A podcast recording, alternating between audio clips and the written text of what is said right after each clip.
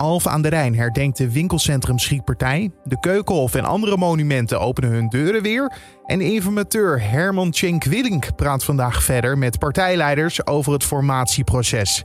Gisteren was het aan de kleine partijen. Daarmee wilde Cenk Willink namelijk beginnen. Vandaag komen de grotere langs met als laatste Mark Rutte van de VVD. Rutte is momenteel middelpunt van de discussie. Moet hij nou wel of niet aanblijven, zodat andere partijen met de VVD verder willen? Die discussie leidt echter af van die van het herstel in het politieke vertrouwen terugbrengen. Ja, dat vertrouwen is er nu niet meer. En daarom wilde Cenk Willink ook niet gelijk al praten over de persoon Rutte, maar eigenlijk daaromheen daar verder kijken van ja, maar zijn we het eens over wat er moet veranderen aan bestuursstijl? Politiek verslaggever Ede van der Groot blikt zo voor ons vooruit op het politieke nieuws van vandaag. Maar eerst kijken we kort naar het belangrijkste nieuws van nu. Mijn naam is Carne van der Brink en het is vandaag vrijdag 9 april de AstraZeneca-bijwerking of sterf aan corona. Voor jonge vrouwen is het risico haast gelijk. Dat zei de voorzitter van de Gezondheidsraad gisteravond in Nieuwsuur. Het was volgens hem daarom geen moeilijk besluit om met het vaccin te stoppen voor 60-minners. Vaccins hebben altijd bijwerkingen, alle geneesmiddelen hebben bijwerkingen. Maar zo'n ernstige bijwerking als nu, hoe zeldzaam ook, naar boven lijkt te komen, daar moet je wel wat mee. Voortaan worden alleen nog 60-plussers gevaccineerd met het AstraZeneca-vaccin. Voor deze groep zijn de risico's van een coronabesmetting namelijk veel groter dan de risico's van de prik. Nederlandse bedrijven ontvingen vorig jaar in totaal 17,6 miljard euro coronasteun. De loonsteun nam daarbij de grootste hap uit het budget, zo meldt het CBS. Het grootste deel van de loonsteun ging naar groothandels en winkels, bij elkaar bijna 3 miljard euro. De horeca vroeg het meeste geld om de vaste lasten te compenseren. In de Noordzee is een tweede container gevonden die woensdag in de buurt van Ameland overboord sloeg. Er zit gebruikte bakolie en frituurvet in. Een sleepboot houdt de scheepvaart in de buurt op de hoogte van de locatie van de container. Gisteren werd ook al een container vol met aceton gevonden. Drie andere zijn nog vermist.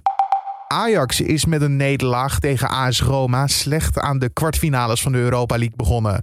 Een blunder van doelman Kjell Scherpen leidde de Amsterdamse thuisnederlaag in. En de redding van Scherpen is er niet. Is er half, is er voor een kwart. Is in ieder geval voor veel te weinig.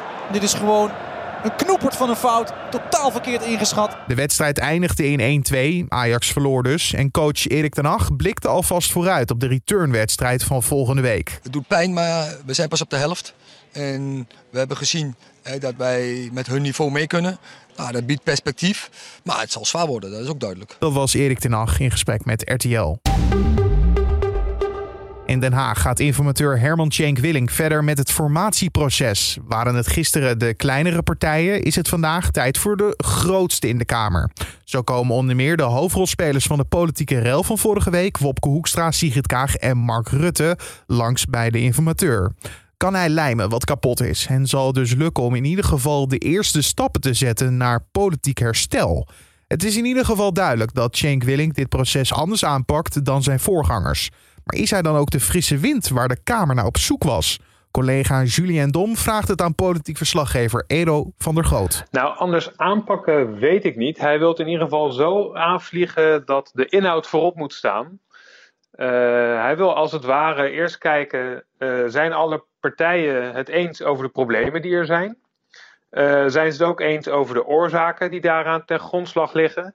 En dan wil hij eigenlijk pas kijken van ja, maar hoe moeten die oplossingen er dan uitzien? Dus op basis van die punten wil hij kijken waar is er mogelijk een samenwerking uh, te realiseren? Ja, echt puur vanuit de inhoud gezien. En ook in die volgorde die ik zojuist noemde.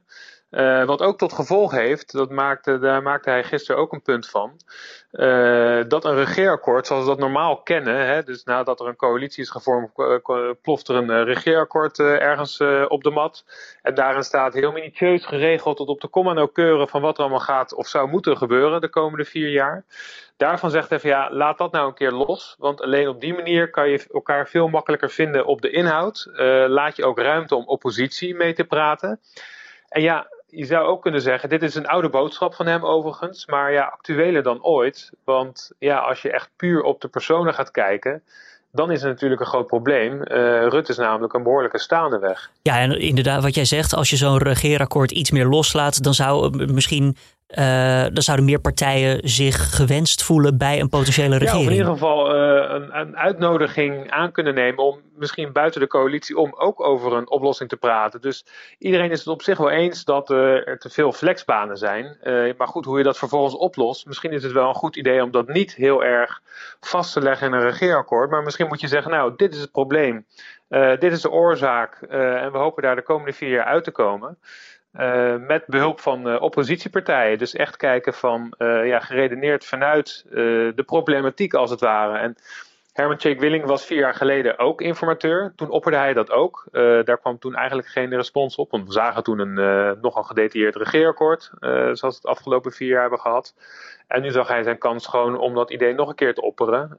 Ja, zodat hij in ieder geval dat obstakel, het vertrouwen of het wantrouwen in, in premier Rutte, te omzeilen. Misschien een klein zijpaadje hoor, Edo, maar jij loopt al wat jaren mee daar in Den Haag.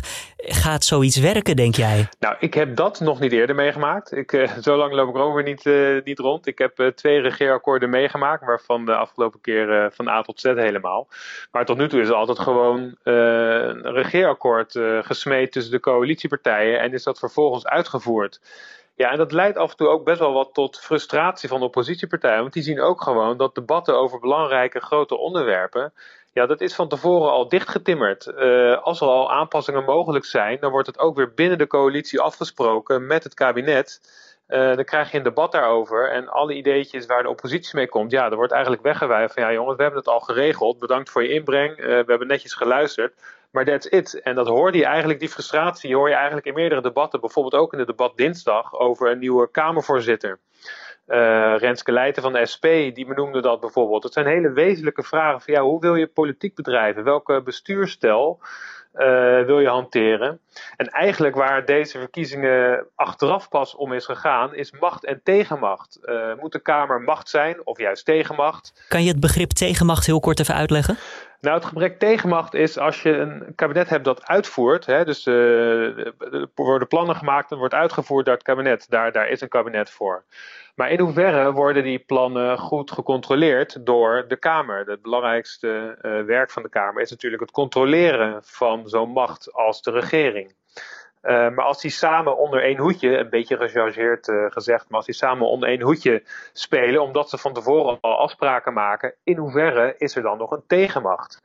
Uh, ja, en dat komt nu best wel bovendrijven, onder andere vooral door de toeslagenaffaire bijvoorbeeld. Daarin hebben we gezien dat de Kamer ja, niet goed is behandeld door zo'n uh, door iets als de regering. Hè. Informatie kwam te laat, informatie kwam niet. Uh, noem het allemaal op, tot grote frustratie van Kamerleden die echt probeerden om, uh, probeerden om onder systeem boven te krijgen. Maar ja, af en toe niet bij machten waren om dat grote machtsblok van een coalitie of machtsblok van een kabinet ja, te doorbreken. Of in ieder geval door te dringen, zodat er een goede politieke discussie ontstaat. Ik moet er wel bij zeggen, Julien, want wellicht, hè, het is natuurlijk voor een podcast, het klinkt misschien allemaal een beetje wollig. Uh, en het is uh, misschien een beetje ingewikkeld, ook voor mij. Uh, maar dat is een beetje, het zijn een beetje metabegrippen waar het in Den Haag nu op dit moment over gaat. Maar het heeft wel te maken met ook dat punt van vertrouwen herstellen, toch? Wat geschaad was, zeker na vorige week, uh, wat we allemaal ja, over ons heen hebben gekregen in politiek Den Haag. Ja. D dit heeft daar wel mee te maken, toch? Ja, precies. Het is er zeker een uitvloeisel van. En uh, het feit dat iedereen nu zo chagrijnig is uh, over Rutte en het feit uh, dat hij heeft gelogen over om zich, althans. Hè, dat zijn de woorden van, van alle partijen in de, in de Tweede Kamer. Op, op en omzicht het voorbeeld van het controleren van die tegenmacht dus eigenlijk? Ja, bijna personificatie van die tegenmacht inderdaad. Uh, dat uitgerekend over hem wordt gesuggereerd van ja, maar ergens anders zitten. Hè? Juist degene die zo krachtig is in het, in, in het parlement en inderdaad kan fungeren als tegenhanger van van zo'n kabinet, van een uitvoeringsorganisatie. Ja, en daarin speelt Rutte gewoon een cruciale rol. En ja, dat vertrouwen is er nu niet meer. En daarom wilde Cenk Willink ook niet gelijk al praten over de persoon Rutte, maar eigenlijk daaromheen daar verder kijken van ja, maar zijn we het eens over wat er moet veranderen aan bestuurstijl? Uh, en in mijn ogen liet hij daar best wel veel ruimte vrij om toch met iemand als uh, Rutte door te gaan. En hij zei er bijvoorbeeld, ik, ik merk dat aan kleine zinnetjes die hij her en der toch, toch strooide in die persconferentie van we zijn lang bezig met problemen hier in Den Haag. Met andere woorden, van die, die Haagse probleempjes, tussen aanhalingstekens zet je daar nou maar overheen. Want, zei hij ook, er zijn gewoon grote problemen, zoals voor ondernemers. Van, uh, is er nog genoeg overheidssteun vanwege de coronacrisis? Krijgen mensen op tijd hun vaccinatie? Dat zijn echt de wezenlijke problemen waar mensen nu mee leven.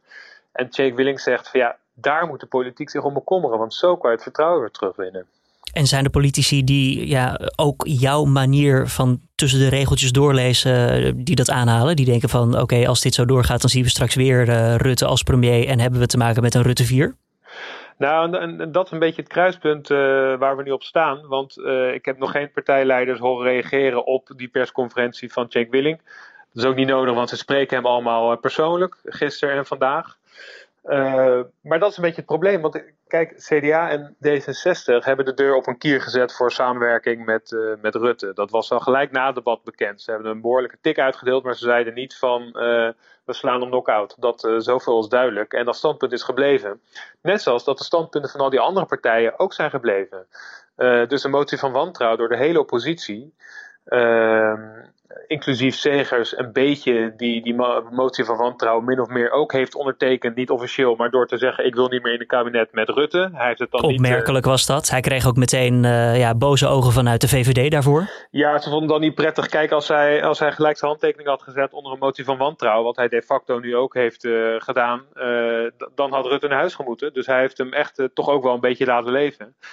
Maar ja, die partijen hebben nog geen gas teruggenomen. Dus uh, Lilianne Ploemen van de PvdA zegt: Rutte heeft het probleem, hij moet het oplossen. We hebben een motie van wantrouwen ondertekend, staan we nog steeds achter. Jesse Klaver van GroenLinks zegt precies hetzelfde. Uh, die zegt van ja, mijn houding ten opzichte van de premier is echt niet veranderd. Dus die gaan echt niet aan tafel zitten met Mark Rutte. Of er moet iets ja, wezenlijks veranderen binnen de VVD, binnen die partij.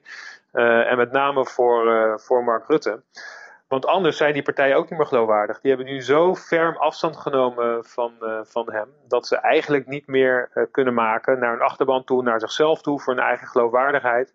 om toch te gaan onderhandelen. Dus ja, er zal iets moeten gebeuren. De vraag is alleen in hoeverre is Mark Rutte daar nog bij betrokken. Denk je dat we daar op korte termijn wel antwoord op krijgen? Of wordt dit ja, uitgesmeerd als een vlek die groter en groter wordt? Nou ja, daar kom ik in heel erg speculeren en het zelf invullen van uh, mogelijke scenario's. Dus kijk, ik, ik weet dat op dit moment, weet ik dat simpelweg nog niet. Maar ja, goed, er wordt natuurlijk wel nagedacht uh, over de vraag van hoe kunnen wij, uh, VVD, CDA en D66, of eigenlijk vooral VVD, D66 en waarschijnlijk CDA, die zich daar toch ook wel bij zal aansluiten. Hoe kunnen wij nou andere partijen ook verleiden om toch die crisis door te komen? En in ieder geval op korte termijn een afspraak te maken, zodat wij uh, ja, met plannen kunnen komen, zodat ondernemers weer geholpen zijn, uh, zodat de coronacrisis kan worden bedwongen. Dat zijn de belangrijkste vragen natuurlijk. De plannen die lagen al voor de verkiezingen, lagen die al klaar. Uh, VVD en CDA hadden daar al een, een, onderzoekje naar gedaan en al uh, ja, een eigen ideeën opgeschreven. Dus er liggen al panklare ideeën. Het probleem is alleen dat daar nu nog geen meerderheid voor kan worden gevonden, omdat het vertrouwen zo is geschaad. Dus ja, die partijen zullen echt moeten kijken van hoe kunnen we dat gaan lijmen? Valt het nog te lijmen? Ja, als dat niet blijkt, als het niet te lijmen valt, ja, dan, uh, dan, dan is er echt echt een impasse met een, met een hoofdletter I. En ik ben heel benieuwd waar uh, Herman Jake Willing mee komt. Want die, uh, die zal waarschijnlijk hetzelfde uh, moeten concluderen. Politiek verslaggever Eda van der Groot hoorde in gesprek met mijn collega Julien Dom. Het verdere nieuws over de formatie lees je natuurlijk op nu.nl en in onze app. En dan de verdere agenda van vandaag. De inwoners van Alphen aan de Rijn staan vandaag stil bij de schietpartij in winkelcentrum Ridderhof. Vandaag precies tien jaar geleden. Er is vanwege de coronapandemie geen centrale herdenking. Er is vanwege de coronapandemie geen centrale herdenking, maar wel wordt er in het bijzijn van de burgemeester een bloemenstuk gelegd bij een monument ter nagedachtenis aan de zes dodelijke slachtoffers. Nederlandse verpleegkundigen, artsen, GGD'ers en vaccineerders vliegen naar Curaçao om het overbelaste ziekenhuis van het eiland te ondersteunen bij de grote uitbraak van het coronavirus.